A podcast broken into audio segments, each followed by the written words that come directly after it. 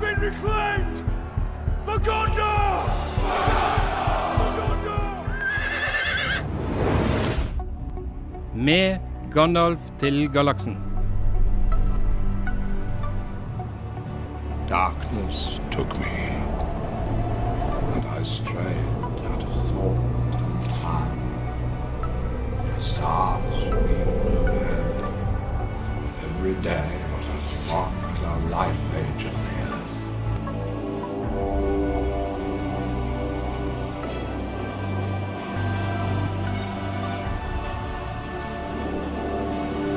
Hjertelig velkommen til Med Gandalf til galaksen, studentradioen sitt fantasy- og sci-fi-program. Mitt navn er spilleder Karina Stertzel, og i dag så skal vi slå ned drager, utforske fangehull og trille magiske terninger. Og ja, med meg i studio har jeg jeger Raimond Strømsheim. og heksen. Andreas Jøsæter. Og hvis dere ikke skjønte, så har vi faktisk snakket om rollespillet fra 1974, Dungeons and Dragons. DND har gjort noe for popkulturen. Den har også gjort noe veldig mye for meg. Og Andreas, du har jo dybde inni uh, popkulturen og uh, nerdereferanser og eh, Dungeons and Dragons, som vi liker å kalle dette på norsk. For drager og fangehull høres ikke fint ut. Nei, jo, på et vis. Uh, jeg har uh, prøvd å undersøke uh, siden Dungeons and Dragons dukket opp først i 1974, eh, med Gygax og Arnesen. Så har jeg prøvd litt å undersøke hvordan dens rolle i nerdekultur har utviklet seg siden slutten av 70-tallet fram til nå. For det jo, eh, DND er jo en epitomi av nerdedommen, sånn, for, hvis ikke folk vet det. det. DND har inspirert mange, også deg der hjemme. Garantert, garantert. Sant? Og eh, spesielt dette i henhold til eh, interaktiv underholdning, ikke bare i dataspill, men i TV-serier som Lost.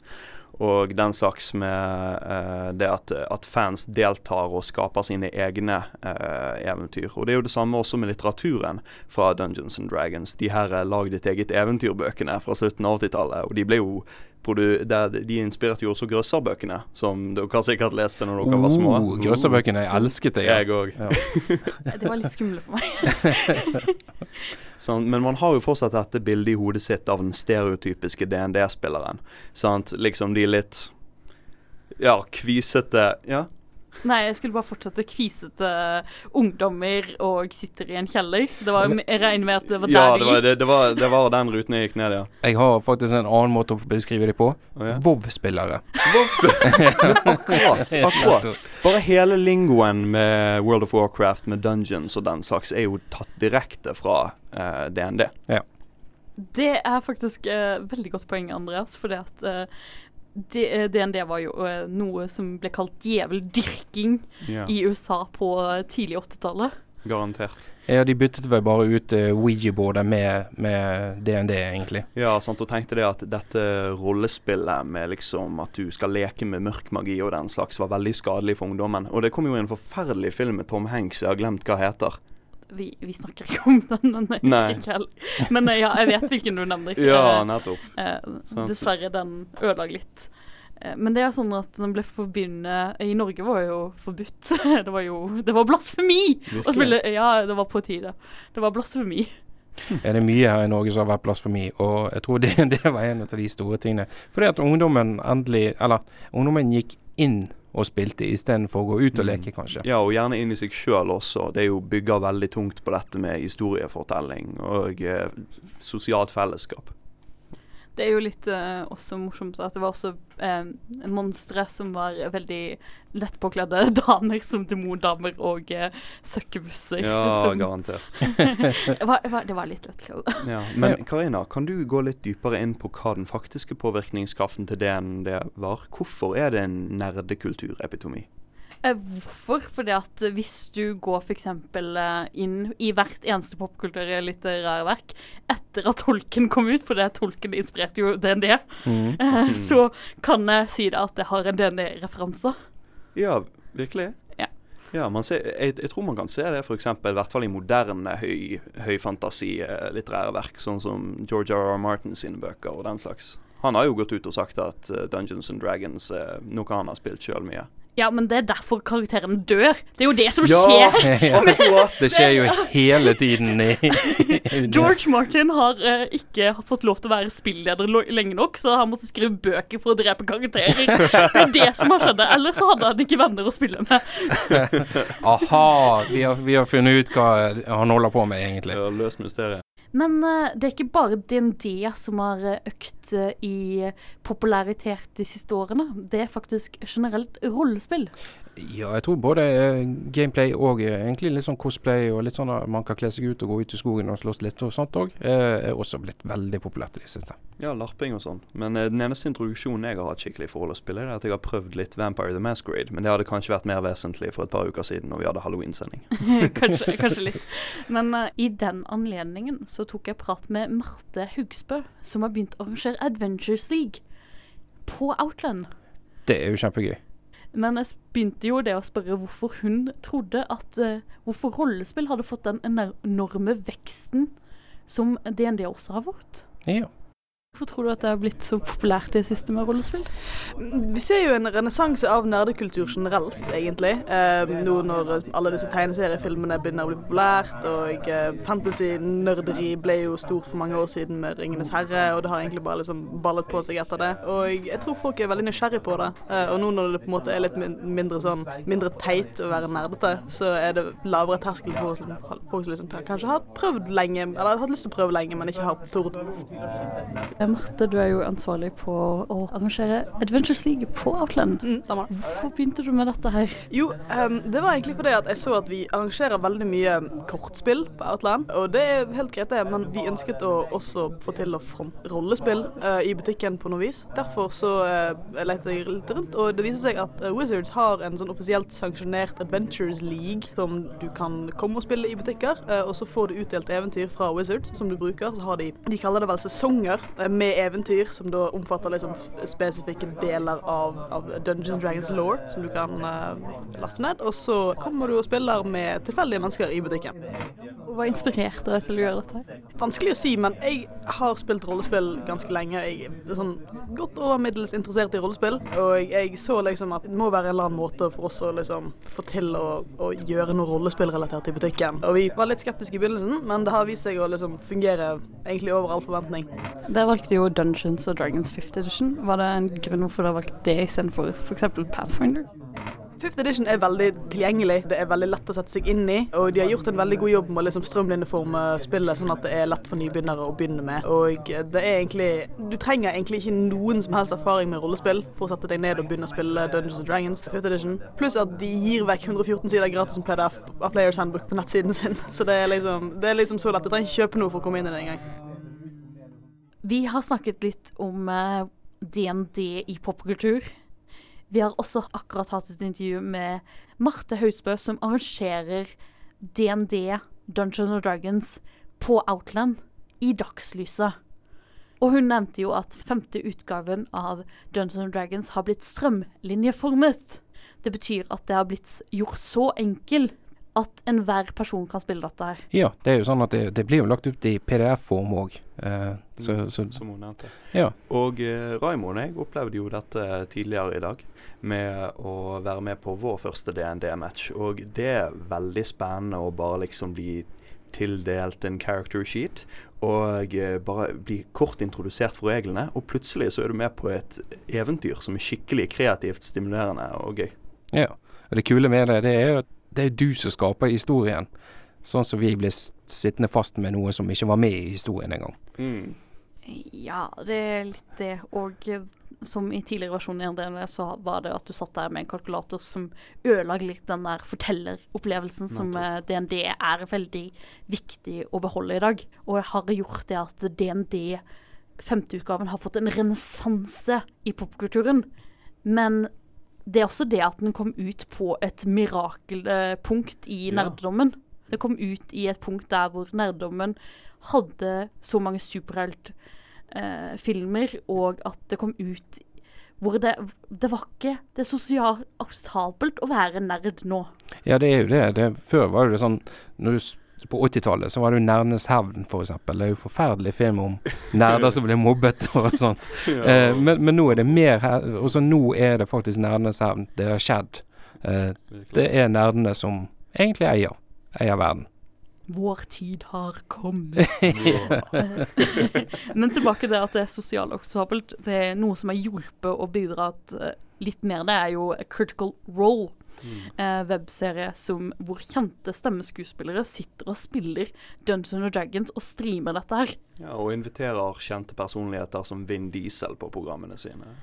Det, det er jo det, Hvem skulle ha trodd det? Hvem skulle ha trodd det på 20 år tilbake? 40 år tilbake? Ingen.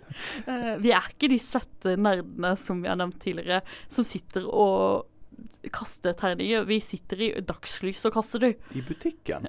Og i butikken, for den Altså, saks på skyld. Outland. Liksom foran folk som går rundt og handler ting til bursdager eller bare til seg sjøl og sånn. Kan man bare se bort i hjørnet. Ja, der sitter man og spiller Dungeons and Dragons åpenlyst. Og de syns dette er awesome. Det er jo det de nesten tilbyr folk som spiller DNT nå. ja, det, det kommer jo mye pga. tilgjengeligheten til 5th edition. Uh, at de, de egentlig har åpnet opp spillet, sånn at du egentlig ikke trenger å ha A i realfag for å kunne spille spillet. Og det at man ser mer kjernen i spillet, som er fortellingen. Og det at du kan være nøyaktig hvem du vil. Ja. Sant? Om du har lyst til å være en halvalv-heks med edel bakgrunn, eller ja Hvis du har lyst til å spille en liten, liten ting som en gnom, og ha en gigantisk øks og være en mini-Conan Barbarian, det er fullt lov å være det. Nettopp. Det kommer ikke så langt i spillet, men det er fullt mulig å være det. Skal komme langt i det òg. Men jeg valgte tre popkulturelle uh, figurer Ja. som kunne ha vært en D&D-klasse. Ja, du har satt dem opp mot eh, popkultur, sånn som i f.eks. Tolkiens eh, figurer, men du har satt dem opp mot eh, klasse i Dungeons and Dragons. Ja. Og jeg har valgt eh, først ute er eh, Jeg begynner med Ringens herre. Første mm. ute er Sauroman. Han er jo eh, selvfølgelig en heks. En heks. Er det det man kaller det? Ja, warlock. Oh, ja, Heks. Okay. Det er direkte oversatt til hekse. Ja, vi snakker norsk. Uh, og jeg mener det fordi at uh, um, han bruker mer karisma, og, eh, min, og magien hans er ikke like sterk som f.eks. Gandalf eller Galadriel. Og derfor er han en heks, fordi han kan også få stemmen sin høyere. Og det er jo selvfølgelig Har han tatt en feature som gjør at han kan ha en cantrip fra Cleric som heter Thaumaturgy, som gjør stemmen hans tre ganger høyere. Men kan man kanskje si da altså at uh, patron til Saruman for, Fordi alle warlocks har en patron, en uh, slags demonisk figur som kommanderer dem, eller som hjelper dem med magien sin. Kan man si at, uh, at det er Sauron? Ja, definitivt. Det er, definitely. Det er derfor det plasserte han i, i heksetreet. Eh, litt morsomt. eh, vi skal litt videre til noe som er litt mer sånn typisk. Det er jo Alle fantasy har jo én bueskyter, En ranger. Som En er min favoritt. Det er En min jeger. favoritt. Ja. som det heter på norsk. Og det, istedenfor å velge Legolas, som alle tenker med en gang, så har jeg valgt eh, Merida fra Disney-filmen Brave. Å ja, det er hun lille rød- rødhårete jenten, eller? Ja. Ja. ja. Kult. Som er en sånn nesten prinsesseaktig ting. Som elsker å, å leke med våpen. Uh, jeg vil si at hun er en ranger med future eh, weapon master, siden hun kan veldig Hun kan bruke alle typer våpen, men at uh, pil og buen er favoritten hennes. Vil du si at hun er høyt level? Hun er veldig høyt level. Ja, dette er høyere level enn alle de som frir til henne. I hvert fall det. Eh, Hun har jo øvd siden hun var eh, kanskje et spedbarn, så jeg vil si at eh, hun er kanskje level 20, og de andre er level 10. Veldig naturlig. Kult. Og Karina, den siste figuren du har valgt. Siste figuren er jo min favorittkarakter i Game of Thrones-universet. Sander Clegan, The Hound. Og jeg er jo veldig på at The Hound er en fighter. En soldat. Kriger. Ikke en ridder. Ikke en ridder. Han hater riddere. Det står det at 'jeg er ingen ridder'. Eh, jeg skal aldri være en ridder. Eh, og han har noen level i eh, å være en barbar. Ja. Jeg tenker jo litt mer sånn at han, han blir brukt litt som assassin. Eh, han blir brukt til å drepe andre mennesker, egentlig. Nei, altså jeg vil heller si en barbarian fordi at han har et sinne hvor det gjelder sin bror Gregor Clegane, som han bare utløser Ja. på andre. Og han, han er vel mer en kriger som kan gå i tung rustning, som kan slå ned folk. Ja, det er mest rollen hans i historien, at, i historien at han brukes som assassin. Det er liksom ikke klassen hans sånn sett. Nei, ok, så, så han brukes litt feil i forhold til egentlig klassen. Jeg, jeg, vil, jeg vil si det fordi at og, Greit nok, det er sikkert et kult konsept eh, George Lucas har George Martin. Ja, den andre Georgen. George nummer to eh, har brukt, og jeg vil si at han er en, heller en f kriger med barbarian feet and rage, Mm. som er, er ganske mening. kult. Fordi at han blir sinna, og han blir berserk og går nødløs ut på folk. Jeg er ganske enig med deg når du sier det på den måten. På, på den måten, ja. Jeg har overbevist deg. Jeg har overbevist deg. Rett. Eh, Problemet mitt er jo det å komme inn i det sosiale i uh, Dungeons and Dragons. Og så hvor tar man kontakt med, med Dungeons and Dragons-spillere, f.eks. Eksempel, du har fire-fem rollespillforeninger i Bergen Mhm. som du kan skrive, eller en du kan skrive på rollespillinfo.no, forumet, som har vokst eh, så kjempestort i det siste. Skrive 'Hei, jeg har lyst til å prøve å spille Dungeons Dragons 5th Edition. Er det noen i Bergen som gjør det?' Og eller Ja. har plass til en til. Og så får du massevis av svar i løpet av dagen. Og så går det vel kanskje an å snike seg ned på Outland på dette her eh, som Marte snakker om. Det går helt mellom å påmelde seg til Adventures League og komme der og møte fremmede mennesker og bare sette seg ned i en stol og spille Dungeons Dragons i fire-fem timer. Ja. Og, og det er jo egentlig det. Men problemet er jo det at det, det jeg har sett for meg, det er jo eh, kvisete små gutter som eh, spiser, drikker maten du, spiser eh, ostepop og spiser mammas eh, pizzaruller eh, nede i kjelleren. Jeg tror du må kaste fordommene dine til uh, Dungeons Dragons her, Raymond. For de som sitter der, er kanskje 18 pluss. eh, ikke mange av de som har quizer. Og eh, vi spiser heller bananer og diverse lunsjtinger som ble kjøpt rett ved siden av butikken. Og noen som har energidrikker. Men hei! det, det kommer vi aldri over. Eh, men det at Dungeons Dragons er en sosiale opplevelser som tar deg ut av hverdagen og blir en form for terapi for mange. Ja, det er jo det litt det at jeg har egentlig lyst til å gå litt vekk fra den av å sitte for meg sjøl og spille WoW, f.eks. Uh, og heller sitte og spille Dungeons and Dragons sammen med andre mennesker. Det Karina sa noe om liksom at det kan virke som terapi for enkelte, ser man jo også i eh, populærkultur, liksom, hvor den er fremstilt tidligere. I hvert fall i den serien eh, Freaks and Geeks. Nettopp det. Og DND er noe for alle. For det at du kan spille hva du vil. Er du transseksuell, lesbisk og, eller hva enn du er, har lyst til å betegne seg selv som, så er det DND-karakter som venter på deg for, på nye eventyr. Ja. Det er jo det òg, men nå nevnte du eh, eh, transseksuelle og, og lesbiske og sånt. Men, men damer, da? Er, det, er, det, er de hjertelig velkommen, de òg? Damer er her faktisk begynt å komme en del av, så de er, de er allerede på hugget her. Det kan du se i, Critical Role, hvor halvparten av castet er eh, kvinner. OK, kult. Og da har du stemmer som Laura Bailey, som har gjort masse videospill. Stemmer, som sitter der og spiller eh, en eh, ranger.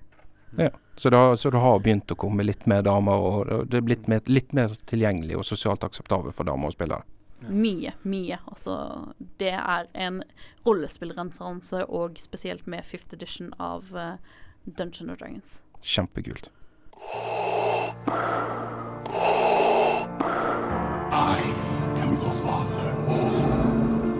Se hva jeg fant. Fant du han, Karina? Her er den. Hvordan ser han ut? Er